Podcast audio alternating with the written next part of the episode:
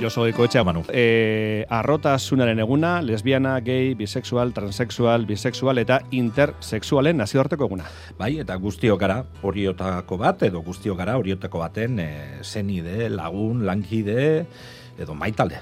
Eh, beraz, e, eutxi arro bihar, e, odei hartzean laino beltz batzuk ikusten dira, baina ja, arro eusteko alegina behar da. Bueno, gaur poeta homosexual baten liburu ekarri dut, poema liburu eder, fin eta laburra. E, kasua da, poeta hori bazela baita ere Euskaltzaina, bazela Euskaldun berria, Santurtziarra, Abertzalea, Fededuna, Euskaltzalea, eta persona oso, oso maitatua. Azken izen ondo hauek guztiak eh, aurkitu ditut, andolin eguzkitzaren lanaren gorazarre eta kritiketan, baina nekez aurkitu dutaren gaitasunari erreferentzia egiten zion aipurik.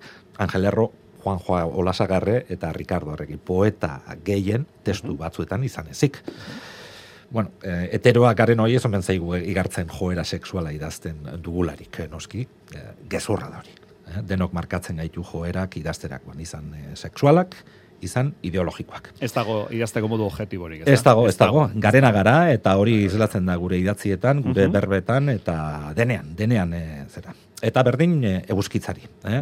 Haren poemetan dago, eta obra osoan zehar, e, beste gizon batzuk desidatzen dituen gizona, protesta egiten duen gizona ere bai, irakurtzen duen gizona, eta horiek guztiak barrutik ateratzeko idazten duen poeta dago. Mm? Mila bederatziren da laro eta mairuan, susa argitaletxarekin atera zuen andolin eguzkitzak, mila urte igaro eta ura bere bidean poema liburua. Eh? Eza era, zahar horretatik, eh? mila urte igaro eta ura bere bidean. Eguzkitza, Euskaldun bidaiaria izan zen, Ameriketatako estatu batuetan bizi izan zen hainbat urtez, eta hango eta beste toki batzutako geografiak ikus daitezke liburunetako hainbat poematan. Bueno, lehenengo irakurriko dugu, Ados. Nebraska Amerikarreko ere muidorretan, eh, idatzitako poema desiratzailea da honakoa. Eta izenburua du, oraina.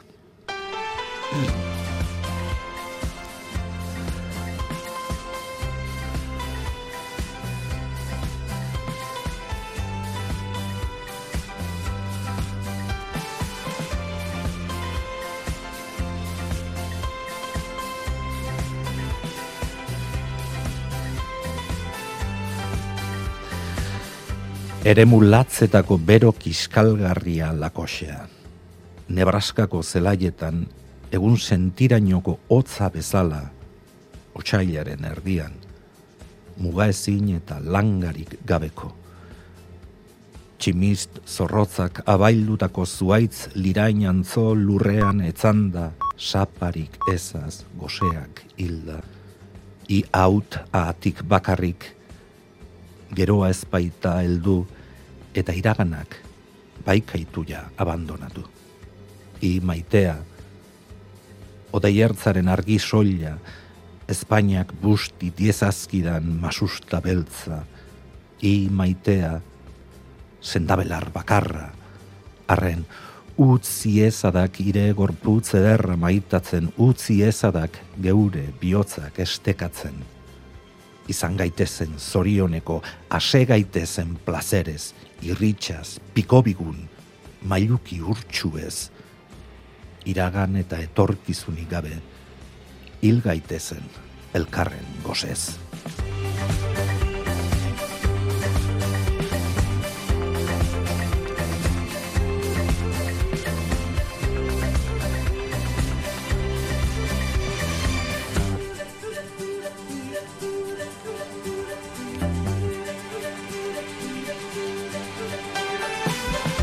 Biziri balego Andoren eguzkitza izango zituzkeen eh, orain ere zera poemara ekartzeko gaiak, eh?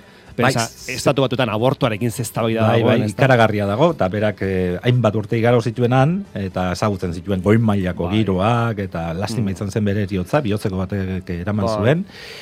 Lastima izan zen, zer oso gazterik zen, baitzen. Hori, ari nintzen pesatzen, abortoren gaia dago pilpilan, eta gero, e, zera, e, homosexualen eskontza bera ere, batzu ja kolokan ikusten Bai, kolokan dira. eh? jartzen dute, bai, Bai. adopzioen gaia, eta Bai. eskontzarena, bai, bai, garai, de, terrible gara doze, herrialde hartatik, ez dakit, nik pentsatu nahi dut, hemen gai izango horrela horri, olatu, eh, zen nola esan, erreakzionari horri Aurre aurre egiteko. Zen, Bai. Bueno, andolin eguzkitzarekin ari gara gaur, Josu. Bai.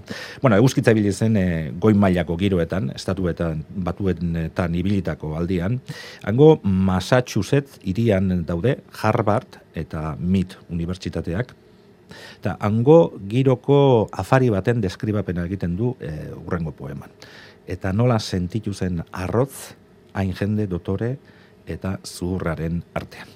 Hau da, jende zuhurren artean afaldu naiz bart.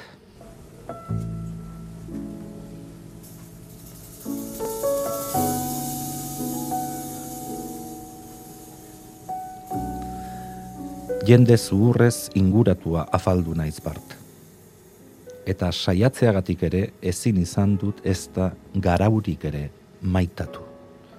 Hain baitziren zuhur, hain baitziren hartatxu eta ordenako diruaz, jendeen esamezaz, eta oi jainkoa indarkeriaz, odol gaiztoaz, eta besteren ganako errespetuaz horregatik jauna beldurrez eta guztiz ere evangelioko fariseoa bezala sentitu naiz. Ez bain naiz, oi jainko algustiduna, haiek bezala, azalez eder, bihotzez, zahar, amodioz, zikoitz, seguru eta boteretsu. Euskalduna bain naiz, Euskal Herriko lur sagaratuaren seme erromesa mundu honetan ezin lapur diezadaketen doain bakarra.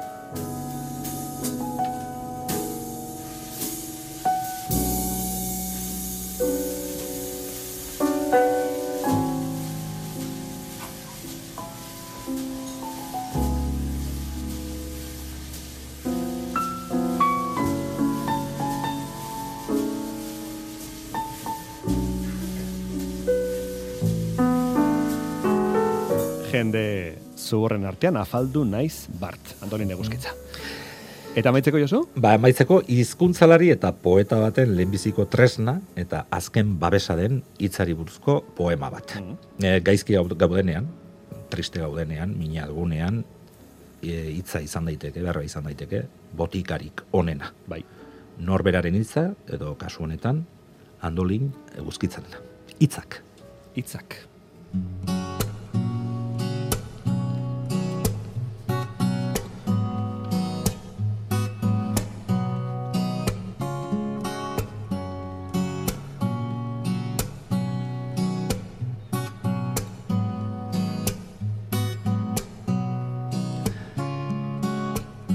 Hitzak ditut adreilu bakarrak, labur eta luzeak, bihotz handiko eta meharrak.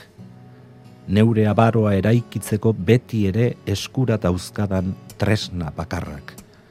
Bilbon edo Hamburgen, Gasteizen edo Iruñean, goizaldeko iruretan hitzartzen naizenean oean edo etxes, utxesten zaitudan guztietan.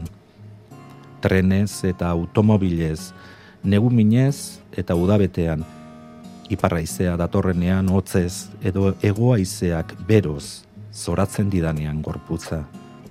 Hitzak ditut, adreilu bakarrak.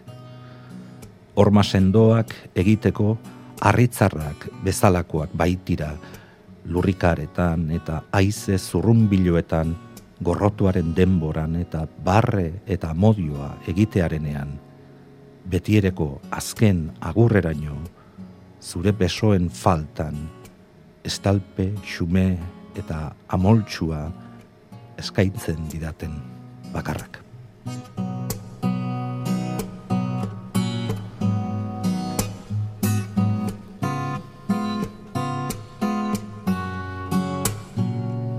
Bueno, hartu gogoan bere izena, eh? Andolin Eguzkitza. Eta liburua, eh, gaur aukeratu duzuna, laurogeita mirugarren urtekoa, Susak atrerea, ez Bai, da? hori da. Mila urte igaro eta ura bere bidean. Eh? Hori. Eta hitzen indarra. Hitzak beti lasaigarri, botika proposa, ez gaizki gaudenean, ondo gaudenean. ez? Eta hitzak zaindu beharrekoak. Hori da. Josu, azte onuna pasaba. Besarkada bat, Manu. Aio, besarkada, Josu.